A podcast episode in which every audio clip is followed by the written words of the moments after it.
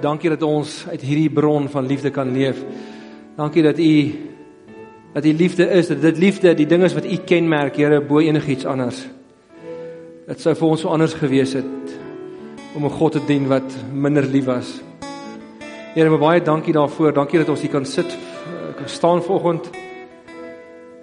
En ons bid, Here, dat ehm um, die res van hierdie oggend ook net so 'n belewenis sal wees van U liefde. Ons eer U in Jesus se naam. Almal antwoord saam. Amen. Ons hy vriende, uh, lekker om vanoggend hier saam met julle te wees. Uh, ons het, uh, is vanoggend besig met die tweede die tweede Sondag in die reeks oor brandpunte. Ehm um, met ander woorde brandpunte, my anders leef. Ons het uh, begin die eerste paar uh maand of twee van die jaar, ons begin met daai belsreeks. Ons gepraat oor die dringendheid wat Jesus het in die Markus Evangelie om uh die wêreld te besoek met sy liefde en om uh, die hierdie wêreld 'n beter plek te maak. En uh, hoe kyk ons na hierdie paar aktuelle goed binne daai konteks? Aan die ander kant, hoe kyk ons missionêr, missionaal as jy wil na na hierdie paar goed? En la, laas keer het Anton met ons gepraat oor vrees en uh hoe ons moet deel daarmee is een van die uh die emosies wat mense vandag die heel meeste beleef. En uh die aand het uh, het jy gepraat by die aanddiens en uh volgende week gaan ons 'n bietjie gesels oor 'n geloofsonvriendelike wêreld. Hoe leef ons? Hoe leef ek anders in 'n geloofsonvriendelike wêreld? En die gedagte daar agter was eintlik dat daar is vandag so 'n appel, so 'n stem van buite af dat geloof eintlik nie meer sin maak in 'n wetenskaplike wêreld nie onder andere en dat ehm um, uh, uh, daar's in die bedienings waarna ek betrokke is, uh, sien ek daar's 'n eksodus uit geloof uit besig om plaas te vind onder uh, mense soos ek en jy. En wat is ons antwoord? Wat wat sê die Here daaroor? Is daar nog enigstens rede om te glo? En hoe moet ons dink daaroor? En belangriker is dit vanuit 'n uh, missionaal of 'n Jesus se perspektief. Hoe praat ons daaroor met die wêreld daar buite wat hulle kop skud en sê, "Ag, jy weet uh hierdie spul naïewe uh, ouens wat, wat mislei is. Hoe dink ons daaroor? En in die week daarna praat ons oor hoe deel ons as gelowiges as volgelinge van Jesus oor die um, met die die politieke situasie in ons land met die onrus. Uh, weet ons gaan die evangelie bietjie toepas op dit en in 'n bietjie kyk na na dit. So vanoggend praat ons dan oor uh, selfde geslagverhoudings. En ehm um, ek is ek verteenwoordig volgens hopelik uh, as ek dit droog maak, min of meer my my kollegas se standpunt. Ek was die gelukkige wenner om hierdie uh, tema te kry vanoggend. En uh is iets wat ek wou gehad het nie. Maar in elk geval hoe dit ook al sê, daar's twee redes hoekom ons vanoggend daarna kyk. Die eerste is baie van julle het gevra. Uh om Niels het vir my gesê, um, ons ons gedink ons gekommunikeer dat ons staan by die 2007 en die 2011 besluit van die sinode. Maar mense het nog steeds van ons kom vra maar wat bedoel hulle presies daarbey en en en hoe kom julle daarby en redeneer net vir ons dit so bietjie. Skuif 'n stukkie van die skrif onder in en en en verduidelik vir ons net hoe julle daaroor dink en daaroor voel. So dis hoekom ons daaroor praat. Dis die eerste dis die eerste rede. Die tweede rede waarom ons egter daaroor praat is rondom hierdie tema is daar vir ons 'n ander ding wat belangriker is as die topik self. En eintlik is hierdie ding so belangrik dat jy kan 'n gemeente eintlik meet daaraan. Dink gou 'n bietjie vir 'n paar oomblikke. As jy nou oosterlik se geestelike kwaliteit moet meet of se geestelike volwassenheid moet meet, hoe sou jy dit meet? Watse kriteria sou jy gebruik? Of enige ander gemeente for that matter of uh, of die kerk in Suid-Afrika? Nou die een ding wat ons voel so ongelooflik belangrik is. Ehm um, waarin 'n kerk gekenmerk behoort te word as jy liefde in ag neem en as jy 'n teks soos Romeine 14 en 15 in ag neem, dan is dit dat daar eenheid sal wees in 'n gemeente te midde van diversiteit. Wat ek bedoel daarmee is, dis nie maklik om een te wees as almal saamstem oor oor al die goed nie. Dis moeiliker en die die evangelie kom kragtiger na vore wanneer ons een is terwyl ons verskil. Met ander woorde, ek dink communities waar mense radikaal met mekaar verskil onder die heerskappy van Jesus uh en mekaar steeds behandel met waardigheid is ongelooflik belangrik. Want dink nou gou 'n bietjie, almal van ons het opinies. Ek bedoel, as jy asemhaal het jy 'n opinie. Ons sien dit op Facebook. Gaan, gaan kyk 'n bietjie en op Twitter. Dis nie moeilik om dit raak te sien nie. En mense dink hulle staan vreeslik op of hulle karakter word geopenbaar deur die opinie wat hulle het. Maar in die kerk is die ander ding belangriker en dit is: hoe praat jy? Hoe tree jy in gesprek met iemand met wie jy radikaal verskil? Want daardeur word jou karakter geopenbaar, nie deur die opinie nie. Almal het opinies. En dit en baie mense met vrot karakter het opinies. So so hierdie is die belangrike vraag vir ons. As ons vandag kyk na die media en ons vandag selfs kyk na hoe die kerk hierdie debat voer, ongeag wat 'n jy weet, wat 'n opinie jy huldig of wat 'n opinie daar gehuldig word, dan dan lyk dit nie vir ons asof mense asof die kerk regtig die volwassenheid het om oor hierdie goed te praat nie. Dis die een rede hoekom ons gedink het ons wil vanoggend net weer hieroor gesels want hierdie ding is wat ons noem in besigheid 'n CC, nie nie uh, soos 'n CC wat jy stig nie. 'n CC soos 'n crucial conversation. Wat is 'n crucial conversation? Uh Joseph Reggie skryf daaroor. Hy sê 'n crucial conversation vind plaas wanneer daar drie dinge waar is van 'n gesprek. 1. Die opinies verskil. 2. Die stakes is hoog. Met ander woorde, die impak van daai goed is redelik hoog en 3. die die emosies loop hoog. As daai drie goed waar is, dan beteken dit ons ons ons neem deel aan 'n crucial conversation. Skus vir die Engels, ek kan hom aan die besigheidswêreld uit. Dis die dis die die die tipe van ehm um, die terminologie wat hulle gebruik. En en dan moet mense fyn luister. Want as ons kyk na die media en hoe die mense die gesprek voer dan dan lyk dit asof Galasiërs 5 nogal 'n groot realiteit is selfs onder Christenmense. Daar staan hele broers en susters in is tot vryheid geroep. Moet net nie hierdie vryheid misbruik as 'n verskoning om sonde te doen nie, maar dien mekaar in liefde. Die hele wet word in hierdie een gebod saamgevat. Jy moet jou naaste lief hê soos jouself maar julle byt en verskeur mekaar. Pas op dat julle mekaar nie later heeltemal verslind nie. Vriende, hierdie is altyd die pleidooi van die Here aan sy kerk. Dien mekaar in liefde. Pas op dat julle mekaar nie heeltemal verslind nie. Moenie mekaar byt en verskeur nie. Want dan is jy net met opinies uitruil besig. Waar is die karakter? Waar is die waar is die waardes wat ek graag wil hê jy namens my moet openbaar. So eh, wanneer wanneer mense in 'n crucial conversation ingaan, dan is 'n teks soos Jakobus 1 baie belangrik. Daar skryf Jakobus, hy sê my liewe broers, dit moet julle in gedagte hou. Elke mens moet maar te gewillig wees om te luister. Nie te gou te praat nie en nie te gou kwaad te word. En as ons net dit doen, sal ons weet, helfte beter kerk wees sommer in die algemeen in, in, in ons land as wat ons tans is. OK. So met hierdie alse gedagte, ehm um, net net 'n stukkie agtergrond oor hoekom ons vanoggend weer hieroor praat. Want mense maklik kon sê my heng, is die saak nie al afgehandel nie. En ek ons het eintlik inderdaad so gedink tot ons agterkom maar is 'n paar van julle wat nog wat wat 'n bietjie struggle om dit te integreer. So, dan is dit belangrik. Kom ons praat dan as familie daaroor. So, 'n paar gedagtes op pad na 'n sinvolle standpunt. Wat is dinge wat 'n mens moet inlei in die vorming tot so 'n standpunt? iets soos ehm um, selfde verhouding ehm um, uh selfde geslagverhoudings. Die heel eerste ding is identiteit. Met ander woorde ehm um, wat ons bedoel by identiteit is dit. Ons moet net eers heeltemal dit vir mekaar sê. Jou identiteit of of jou seksualiteit is nie jou totale identiteit nie. Want dis 'n ding wat ek dink ons mekaar eintlik geweldige onreg aan doen. En die gay gemeenskap ook. Ons doen dit al, hulle doen dit ook aan hulle self. Met ander woorde, As ons na 'n gay persoon kyk, dan dan in ons kop is daai persoon gay in die sin dat daai persoon se totale identiteit is 'n seksualiteit. Soos ek die persoon sien en baie keer soos hy of of sy haarself sien, is ehm um, is in terme van met wie sy seks het of met wie hy seks het of nie. Met ander woorde, kom ek kontrasteer dit met 'n voorbeeld. Ek sit baie keer in workshops waar mense vir ons sê draai gou toe na mekaar toe en dan dan stel jy jouself voor in die persoon langs jou en dan sê jy bietjie wie jy is. En as ek as mense vir my sê sê wie jy is, dan stel ek my nooit voor en sê hallo ek is Rolf, ek is heteroseksueel. Hoekom doen ek dit nie? Want ek is nie soveel meer as my seksualiteit. Seksualiteit is net 'n klein deeltjie van wie ek is. En so is dit ook met iemand wat gay is. Hulle seksualiteit is net 'n klein deel van wie hulle is. Hulle is soveel meer as hulle seksualiteit en ek dink ons moet daai ding ehm um, begin aanspreek en uh en kyk of daar nie 'n nuwe manier is om met mekaar te relate nie. Maar dis net een 'n baie vinnige opmerking. Die tweede ene wat ons nou kyk is hermeneutiek. Nou, dit klink 'n vreeslike woord. Uh vreeslik vreeslik eenvoudig.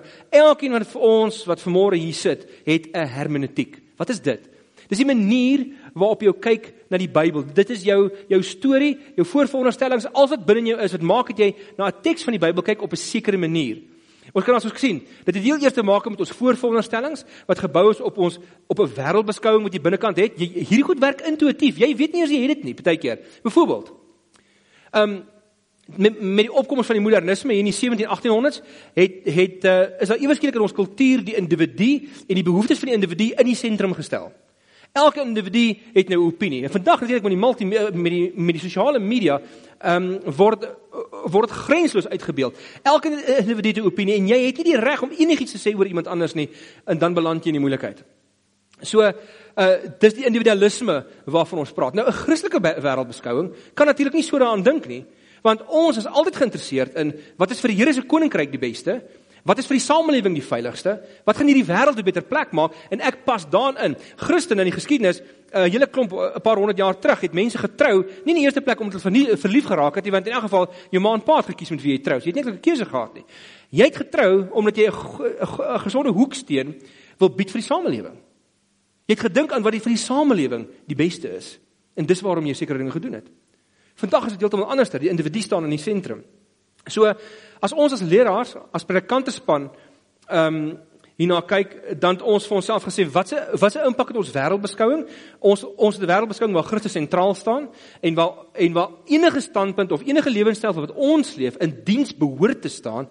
Dit is nie altyd so nie, maar dit behoort in diens te staan van wat vir Here se koninkryk die beste en die veiligste is. Dit dit dit bring vir ons 'n opinie oor die inspirasie van die Bybel. Ehm um, jou wêreldbeskouing, uh, jy kan 'n ateïstiese wêreldbeskouing ook hê of 'n sekulêre wêreldbeskouing of 'n agnostiese wêreldbeskouing of 'n of 'n halfgebakte Christelike een wat nie heeltemal Christelik is nie of of a, of hoe ook al. Maar hoe dit ook al, wat 'n wêreldbeskouing jy ook al het, het 'n invloed op hoe jy inspirasie van die Bybel sien. Met ander woorde, hoe is die Bybel geïnspireer? Is dit eintlik maar net 'n klomp dokumente wat deur mense saamgestel is wat geestelike ervarings gehad het en hulle skryf nou 'n bietjie daaroor? Ehm um, of uh uh, dit is dit hierdie standpunt wat ek nou genoem het is 'n taamlike humanistiese siening of jy kan vir jouself sê daar's 'n meganiese inspirasie teorie. Sulke mense glo dat die Here, die Heilige Gees het letterlik Johannes se hand gevat en hom vir hom so laat skryf woord vir woord. Johannes het nie 'n keuse gehad nie. Hy het nie geweet wat hy skryf nie. Hy het na die tyd gekyk, "Haai, dis oulik" en jy weet, maar, maar die Here het eintlik alles vir hom gedoen. Ons glo 'n organiese inspirasie teorie wat van die vroegste tyd in die vroeë kerk al geglo is. 'n Organiese inspirasie teorie sê die Here sit agter die Bybel maar hy gebruik die individue wat geskryf het in hulle menswees, in hulle in hulle omstandighede volgens alle sosiale faktore wat meegewerk het tot die vorming van hulle opinie uh, en als dit plaasgevind het die Here gebruik die persoon nes hy of sy is, maar die Here sit uiteindelik agter dit. So die Here is die die, Bybel is God se woord en dis geïnspireer op so 'n manier dat die Here ehm um, uh, dat dit die Here se woord en sy stem veronderstel. Ek moet dadelik sê dat as dit kom by dieselfde geslagverhoudinge, uh moet jy weet, daar's mense wat die Bybel ewe ernstig neem as God se woord en 'n organiese inspirasie glo wat met mekaar se verskil oor hierdie issue. Goed. So hierdie alleen is nog nie genoeg nie. Die volgende een dan, dit beïnvloed ons siening van die kanon. Uh, met ander woorde glo ons in 'n oop kanon of 'n geslote kanon. Wat ek bedoel daarbey is baie eenvoudig. As jy glo in 'n oop kanon, ek ek ek praat nou nie aan met 'n baie goeie vriendin vir my en ehm um, En sy sê toe maar wie wat sy glo die Bybel is die woord van God natuurlik. Maar oor sekere issues het die Here homself nog net klaar geopenbaar nie en en uh, hy mag homself dalk nog nie openbaar op ander tye oor nuwe goed. Toe sê ek vir okay, die probleem net met dit is wie bepaal waar openbaar ons uh, God homself nou oor wat? Dis 'n baie problematiese siening van die Bybel. Deur die kerkgeskiedenis tot nou toe het mense nog altyd ges ehm um, die die uh, die kerk in elk geval nog altyd geglo in 'n geslote kanon. Dit beteken die Here eh, die, die sy woord geïnspireer deur die lewens van die mense, deur hulle persoonlikhede, maar dis genoegsaam om ons veral te lei ten opsigte van wie die Here is, wie ons as mense is en hoe ons in 'n verhouding met mekaar kan staan en hoe ons in hierdie wêreld behoort te leef. So jou siening van die kanon is baie belangrik en ek ken mense wat kinders van die Here is soos ek en jy, as hulle ons banke kom sit heeltemal veilig met wat ons glo. Hulle glo in 'n oop kanon. Hulle glo die Here is nog steeds besig om te werk om homself uh, te openbaar.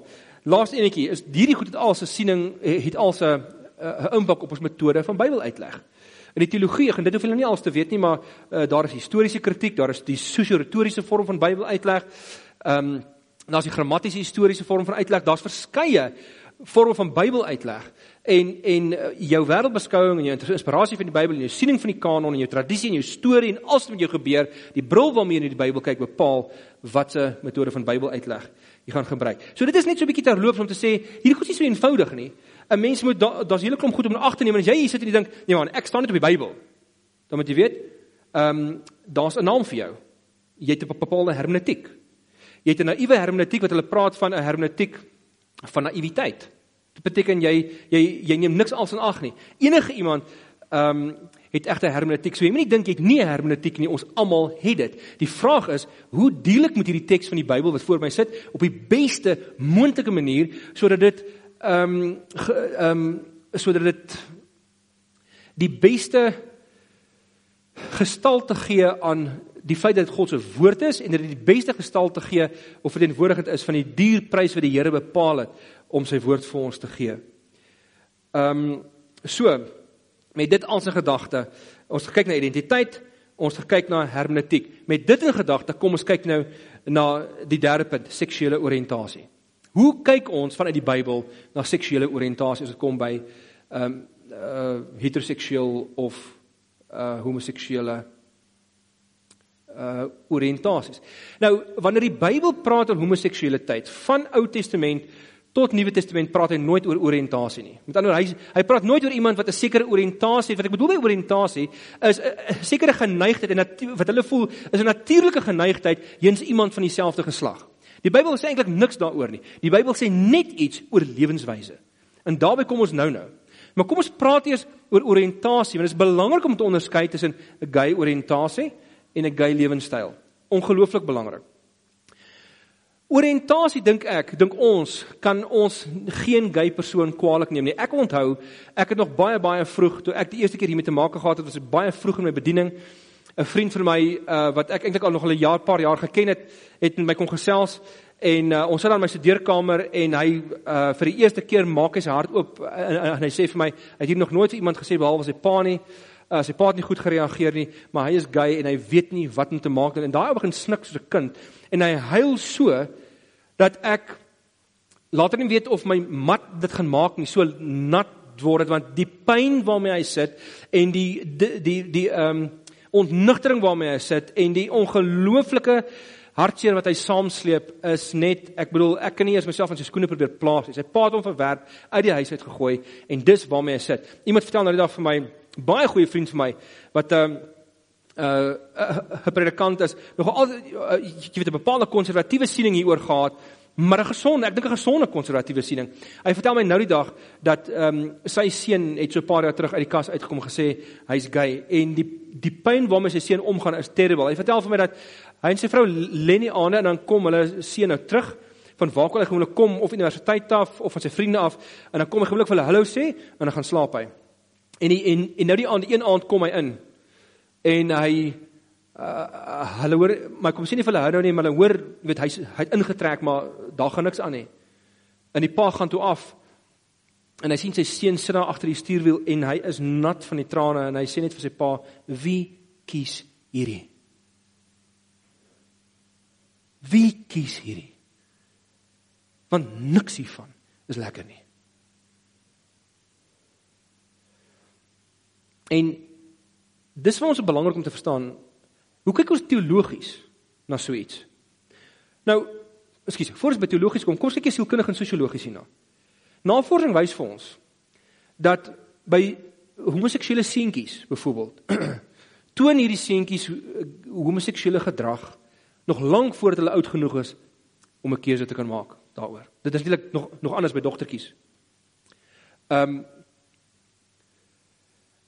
En natuurlik is daar verskeie soorte homoseksualiteit. 'n Party word aangeleer langs die pad, party is 'n keuse, party is gevolg van trauma. Dit het uh Aristoteles al vir ons gesê 4 eeue voor Christus. Maar ons praat ek, ek praat van daai tipe homoseksualiteit wat van die mense wat dit beleef en het voel, hierdie kom inherënt van binnekant af. Hulle het lank het hulle in die mediese wetenskap gedink hulle gaan 'n geen ontdek wat homoseksualiteit ehm um, veroorsaak. Uh die jury is nog uit daaroor. Die navorsing daar is nog nie klaar nie. Die geen is nog nie ontdek nie, so al 'n hele paar jaar gelede.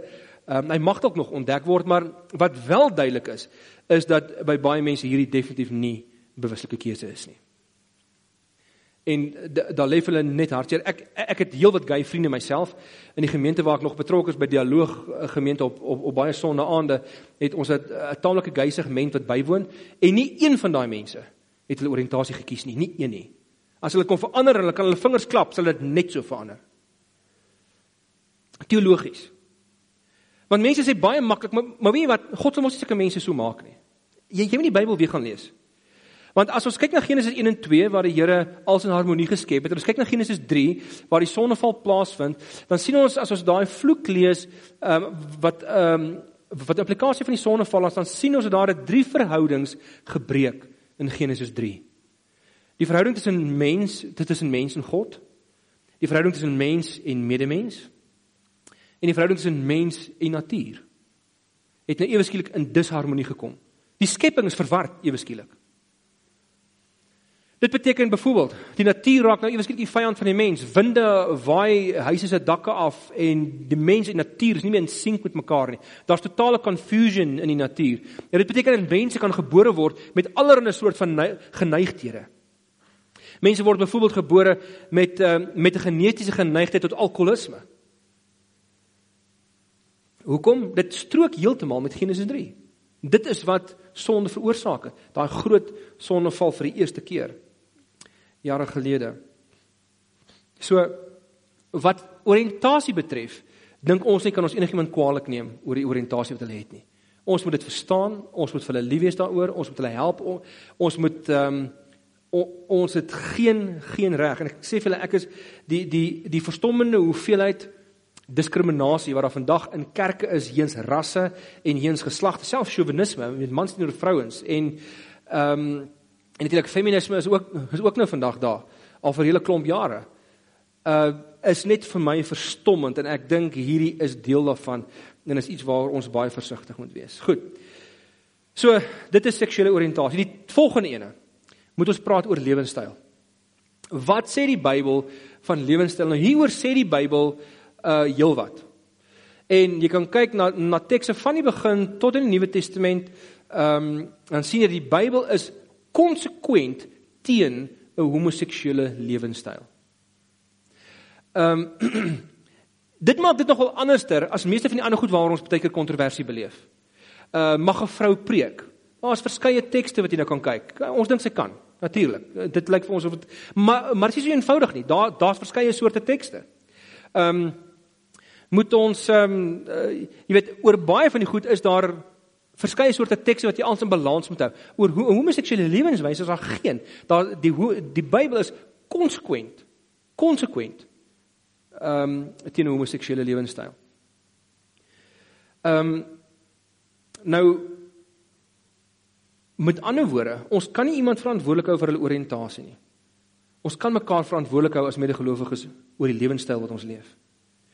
So nou nou kan jy vinnig my vra, okay, wow, Rudolf, ehm um, Wat nou wat nou vir al die tekste wat wat gaan oor hoedens of rente? Uh ek bedoel in Korintiërs 11 word gepraat van vrouens moet hoedens dra. Ons ons almal ken daai teks baie goed. Of rente in Psalm 15.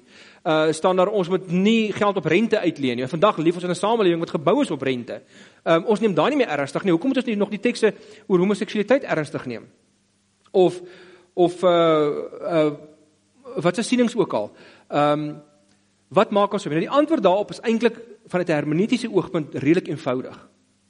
As jy kyk na tekste soos 1 Korintiërs 11, uh of of kom ek sê eers dit, om om te bepaal of 'n tema in die Bybel 'n konsekwente Bybelse tema is, of dit iets is wat op die Here se hart is, of dit ehm um, om 'n belangrike standpunt daarin te neem, moet jy kyk of die Bybel of die Bybelskrywers ehm um, 'n konsekwente concern het oor hierdie bepaalde topik.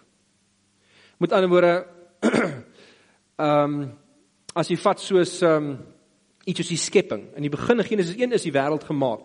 Reg deur die Ou Testament word baie gemaak van die skepping. God kan net verstaan word deur terug te kyk na die skepping. Die profete maak baie daarvan vir die leer oor die skepping. Die Nuwe Testament maak baie oor die skepping, God as skepper. Uh Kolossense 1, Openbaring 21 en 22. Met ander woorde, die skepingsleer is iets wat reg deur die Bybel konsekwente concern is. Redding is reg deur die Bybel 'n konsekwente concern.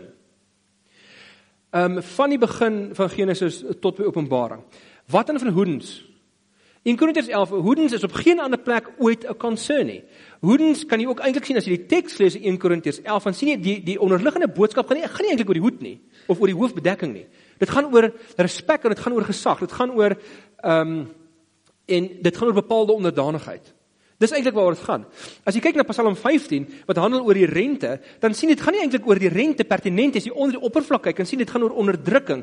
Want die ryke, die armes onderdruk, en hulle in 'n hoek gedruk en dan word hulle gedwing om aan die rykes geld te neem teen 'n geweldige hoë rente en dan speel hulle bankrot en dan word hulle verkoop as slawe.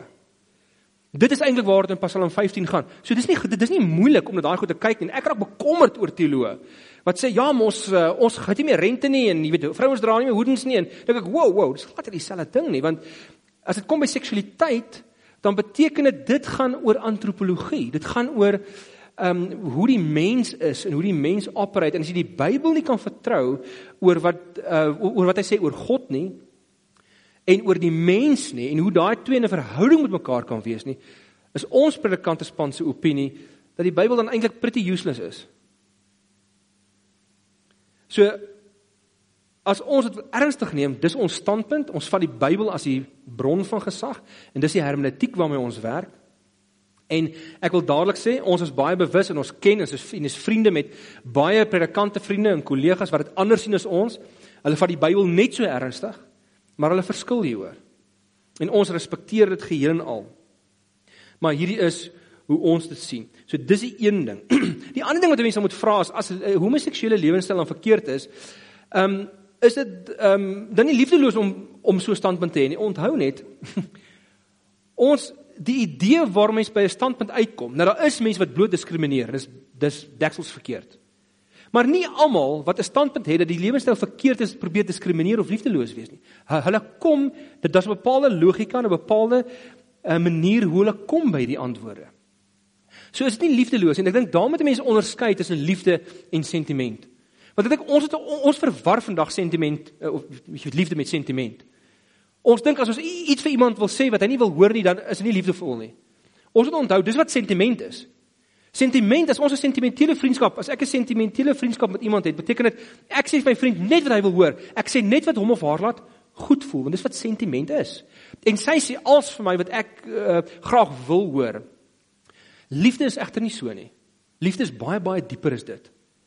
Liefde ag jou so baie en sal hierdie verhouding onder druk sit om vir jou om vir jou goed te sê wat jy nie noodwendig wil hoor nie, maar as ek sien jy doen jouself skade of jy doen jou die mense om jou skade of jy doen die samelewing skade of uh, jy doen iets wat in my mening nie reg is nie en en daar's daar's daar's negatiewe gevolge, dan ek jou lief genoeg om vir jou te sê wat jy nie wil hoor nie.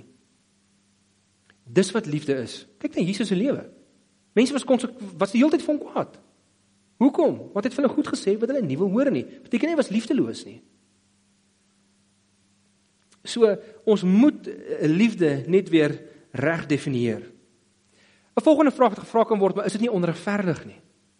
Is nie onregverdig om dan eintlik met ander woorde vir 'n vir iemand wat 'n gay oriëntasie het van hom of haar te verwag om 'n celibate lewenstyl te leef nie.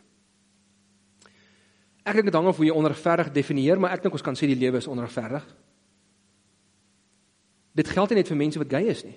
Daar's baie mense wat die onreg van die lewe al verduur het. Jy al jy het al die lewe van die jy het al die lewe se onreg al beleef. Ek bedoel as 'n as 'n pa of 'n egpaar 'n kind in die dood afstaan. Is dit uit is dit uiterste te onreg. As iemand 'n werk verloor sonder rede, sonder goeie rede, dan kan dit heel waarskynlik onreg wees. Ek het 'n baie goeie vriendin, ek en Marie, sy's 45 jaar oud.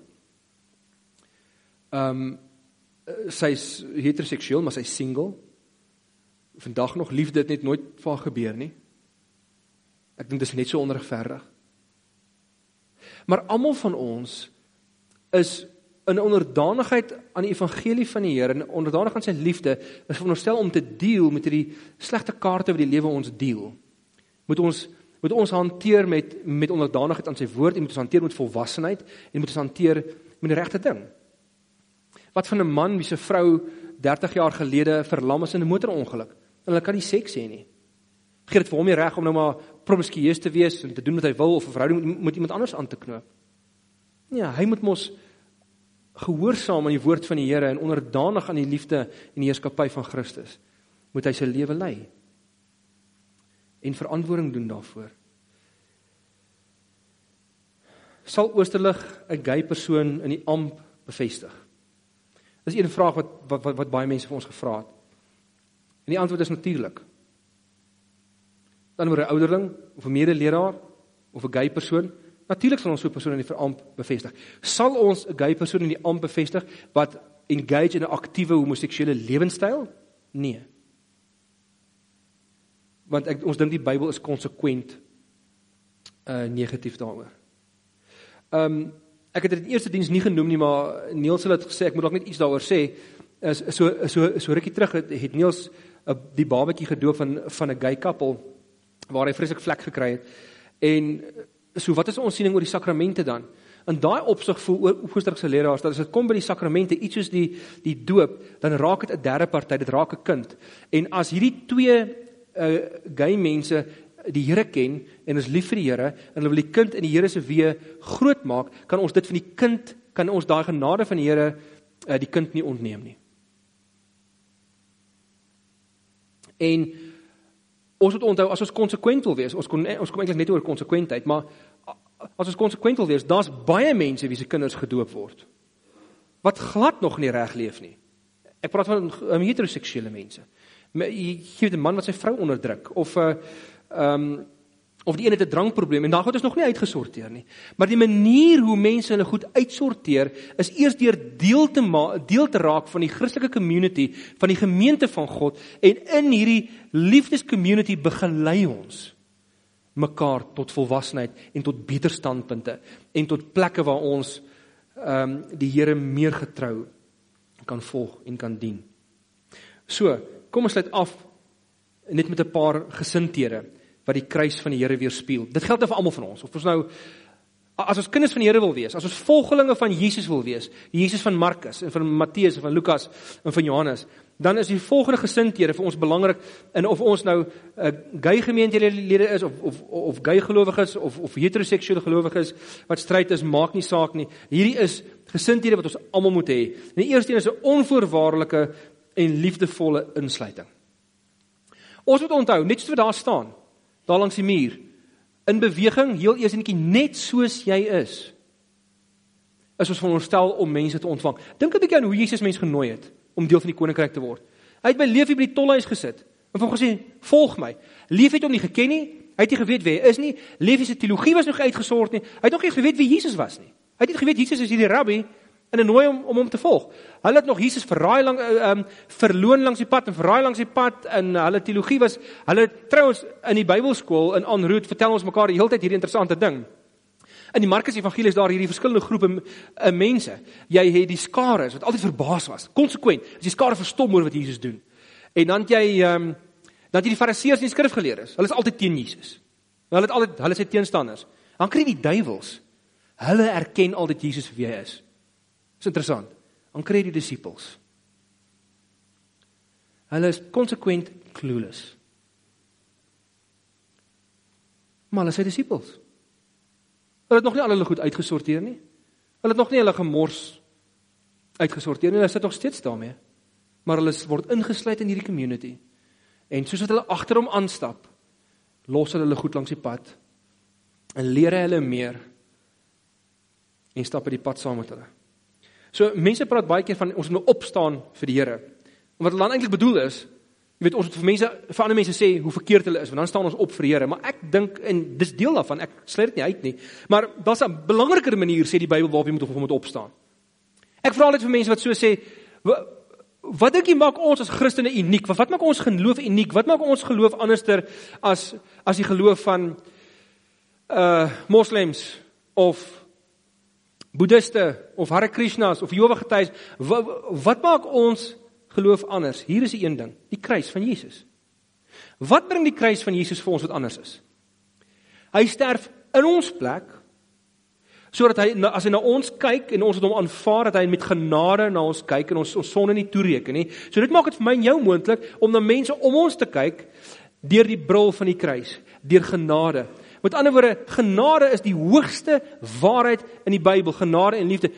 Jesus het dit self gesê. Here, wat is die hoogste gebod? liefde vir God en liefde vir jou mense. En Jesus sê nie die tweede gebod is ondergeskik aan die eerste een nie. Hy sê hierdie een is gelyk met die eerste een. So die Here sê as jy vir my wil opstaan, vir my, as my naam veel belangrik is, liefde vir mense. Dis die hoogste ding waarvoor jy moet opstaan. So as ons weer wil, as jy dink jy wil weer opstaan vir die Here, dan moet jy weet, iemand enige sondaar of enige medegelowige wat na jou toe kom, die eerste ding wat hulle by jou moet beleef as jy wil opstaan vir die Here, is 'n insluitende liefde en genade, want dis waarom hy gesterf het. Dan as jy verhouding het met iemand, dan kan jy met hulle eerlik wees oor hulle lewenstyl. Ek het baie gay vriende. Hulle weet presies wat ek dink van 'n gay lewenstyl. Ons is steeds baie goeie vriende. Trouwens, as jy die gay koppel by dialoog, hulle kom gereeld vir counselling. En ek begin elke counselling session met dieselfde woorde. Ek sê, "Gee, ouens, ek weet nie of ek julle kan help nie vir twee redes. Een, ek is nie gay nie. Ek was nog in 'n gay verhouding, nie, so ek weet nie hoe dit werk regtig. Twee, ek dink dit is 'n goeie lewenstyl nie. En dan kyk hulle my so sê, "Ja, nee nee, dankie vir eerlikheid." En dan begin my vra vra. Sê hulle, "Hoorie, my shine is nie affectionate teenoor my nie. Wat moet ek nou maak?" Sê ek, "Oké, okay, kom ons praat." Maar wat ek wel weet is dis die insluiting in hierdie community. Oh by the way, ehm um, die een koppel wat ons lank so mee gesit het, hulle het nou verhouding, hulle verhouding het hulle gebreek. Nog steeds in die gemeente albei. Maar iewers het langs die pad het daar iets vir hulle oopgegaan. Maar eers moet 'n mens ingesluit word.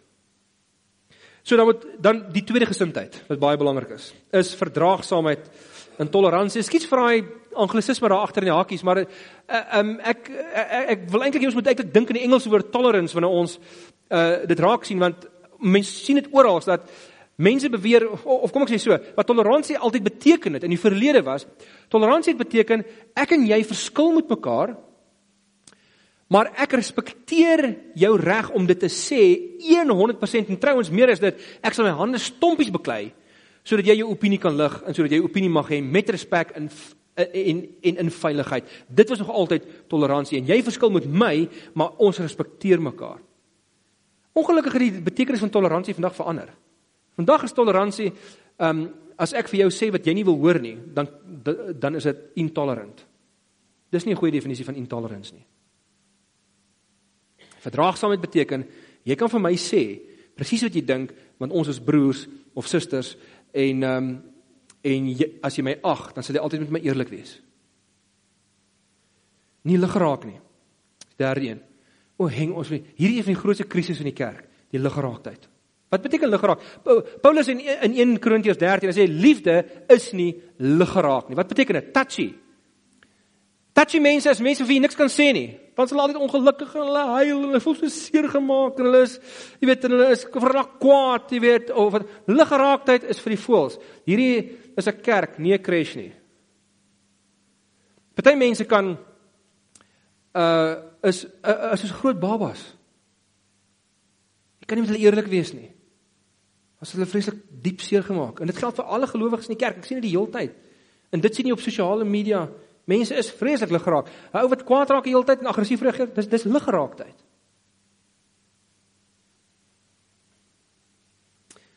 Die volgende is konsekwentheid.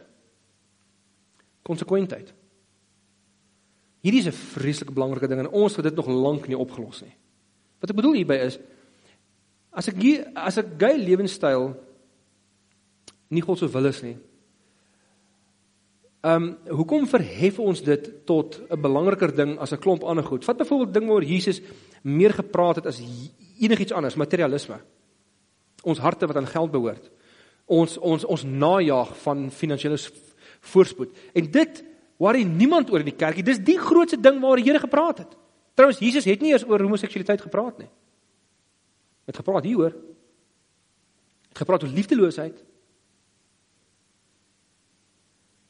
Het daai daai tekste en by the way, jy het agterkom, ek het nog geen tekste regtig genoem nie, want julle ken mos die tekste. Ons het die tekste wat praat oor homoseksuele lewenstyl kry in Genesis 9, Genesis 19. Ehm um, jy kry dit in ehm uh, Levitikus 18, Levitikus 20, Deuteronomium 23, uh 2 Konings 4. Uh jy kry dit in van die profete en dan kry jy die Nuwe Testament veral op drie plekke. Romeine 1, 1 Korintiërs 6 en 1 Timoteus 1. En in daai tekste waar die lyste genoem word waar homoseksualiteit voorkom, in die dieselfde die lys word dinge genoem soos woede, verdeeldheid, naaiwer, risie, diefstal. Hoekom sonder ons homoseksualiteit uit?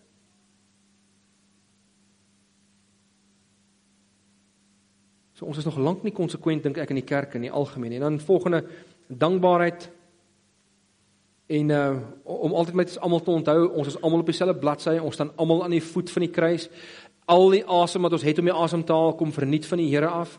Uh ons het steeds baie om voor dankbaar te wees en in die laaste een 'n onderdanigheid. Wat ek bedoel by onderdanigheid is onderdanigheid aan die heerskappy van die Here. Ons almal is veronderstel om die knie te buig voor sy heerskappy en voor wat hy wil hê. Ek het ek het nou die dag uh eintlik so jaar jaar terug, jaar ja, jaar en 'n half terug het ek 'n nuwe gay vriend ontmoet. Ehm um, hy het hierdie boek vir ons gehelp skryf. Stefan Joubert het hierdie boek geëdit te vra 'n paar van ons uh so 3 of 4 van ons om saam met hom te skryf aan hoe ons die Bybel moet reg moet lees. En een van hierdie uh ouens wat saam met ons geskryf het, se naam is Franco Visser, eintlik Franco Peer Visser. Ehm um, ek het nou nie sy foto hier nie want ek het hom gisteraand geteks en gevra of ek sy foto mag kan wys en sy naam, maar toe laat weet hy eers met my vanoggend toe ek in die kerk inkom, dis my PowerPoint nou al klaar. Toe ek maar besluit ek gaan daai boek insit. Maar uh Franco is gay. Hy is 'n uh, professor in sielkunde by Unisa. En hy lewe 'n celibaat lewenstyl. En uh, ons sit eendag so aan tafel en ek ek ek ek, ek vra vir hom Hoorie uh, ek sê hom dit moet seker vir jou geweldig opoffering wees om om celibaat te lewe om om om nie op hierdie vlak jy, jy baie vriende maar op hierdie intieme vlakke partner te hê nie. Ekskuus tog. En hy hy sê vir my ja, hy hy sê dit dit is moeilik. Hy sê maar, hy hy sê daai maar baie baie vinnig. Hy sê maar vir wat 3 jaar gelede toe ek tot geloof gekom het, het ek soveel so 'n groot skat ontdek. Dis sy woord. Het ek so 'n groot skat ontdek in die Jesus narratief dat om hierdie op te gee is vir my niks in vergelyking met wat ek van God ontvang nie. Nou ek weet nie alle gay mense beleef dit so nie. Dis nie vir almal so maklik nie. Ek ek begryp dit. Maar ek het die dag af weggestap en gedink, "Wow, dis regtig vir my 'n voorbeeld." Hierdie ou openbaar regtig die gesindheid van die evangelie. Ja, hy kry swaar. Dis nie lekker nie. Maar daar's 'n groter ding. Daar's 'n belangriker ding in hierdie wêreld. Dit tas nie my menswees aan nie. My identiteit is nie afhanklik van die feit of ek gay is of ek nie gay is nie. My identiteit hang af van my wat geliefd is deur die Here. En met die voorregheid om op hierdie planeet te kan leef en wat 'n hierdie wat kan meewerk dan om hierdie wêreld 'n beter plek te maak. Ek sien nie almal moet dit doen nie, maar al wat ek weet is, dit was my regte inspirasie.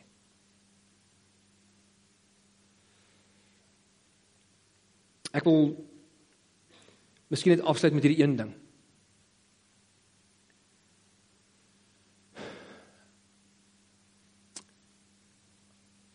en dit is as ons kyk in die kruis van Jesus dan dink ek dis die Vader se begeerte dat al sy kinders hier op aarde of ons nou ken of ons nou nie ken nie maar vir alles ons hom ken dat ons sal weet hoe geliefd ons is. Ehm um, as ons ons lyding en ons swaar kry na die kruis toe vat dan sê dit nie noodwendig vir ons hoekom ons swaar kry of hoekom ons ly nie, maar dit sê vir ons wat ons lyding nie kan wees nie. My lyding kan nie wees omdat God nie omgee nie, want hier hang hy vir my. Net om een rede om aan die wêreld en aan my te kommunikeer dat hy ons liefhet. Dit kan nie wees omdat hy net blasé is omdat God nie omgee nie, want hier hang hy. Hier kom gee hy homself. En ek die Vader het dit gedoen, God het dit gedoen sodat ons kan seker wees ons is geliefd en ek dink as as jou kind ooit vir jou kom sê, "Pa, ma, ek is gay." Dan is die volgende baie belangrik. As een van my kinders dit vir my kom sê, ek is nie ek wil nie so arrogant wees om te dink wat ek wat daar al sal gebeur en hoe ons journey sal lyk nie, maar die, ek weet wat die eerste ding sal wees wat ek vir hom sal sê of vir haar sal sê. En dis die ding wat ek vir my kinders sê vandat hulle klein is. Tot nou toe nog sê ek dit vir hulle, maar hulle maak nou al my sinne klaar. Wat ek vir my kinders gesê het toe hulle klein was of as my kind na my toe se kom en hy sê vir my is gay of hy dit nou sê wanneer hy 40 is of 10 of 12 ek sal sy gesig in my hande vat. En ek sê vir hom of haar sê seentjie is ek sê wie wat ek wil net vir dit sê. As al die seentjies in die hele wêreld in 'n lang ry opgelyn staan. Sukkel so lank ry dat dit om die aarde en om die aarde om die aarde gaan. En ek kry die geleentheid om weer van vooraf 'n seentjie vir my te kies. Dan sal ek by almal verbygaan. Een vir een, ek sal my voete moeg loop tot ek nie meer kan nie, totdat ek by jou kom. En ek sal jou weer kies as my seentjie. As al die dogtertjies in die wêreld in 'n ry staan, sal ek by almal verbygaan. Ek sal weer vir jou kies om my dogtertjie te wees. Want jy is myne.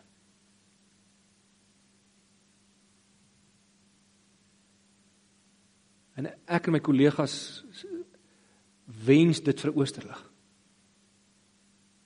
Dat met al hierdie wonderlike potensiaal wat hierdie gemeente het en al die liefde wat hier reeds heers, ons liefde sal toeneem en sal toeneem dat dit 'n plek sal word waar enige iemand sal welkom voel. Maak nie saak hoe hy lyk nie of hoe hy ryk nie of hoe hy optree nie, dat hierdie 'n plek sal wees waar ons allerlei snaakse stompies sal optel omdat ons sulke mense hier aanvaar.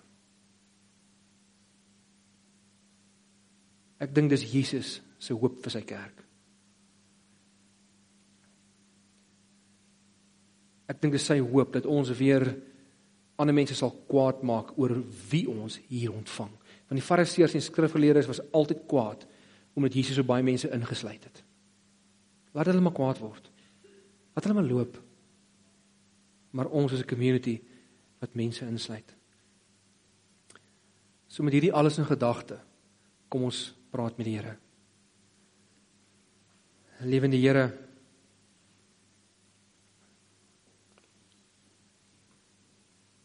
Jo, hier is so 'n moeilike topik en ehm um, ek is nou self nog nie seker hoe ek dit het nie. Maar dankie Here dat U ons ontmoet waar ons is en dankie dat U ons altyd hoor en dankie Here dat U 'n God van liefde is. Dankie dat U 'n God van genade is.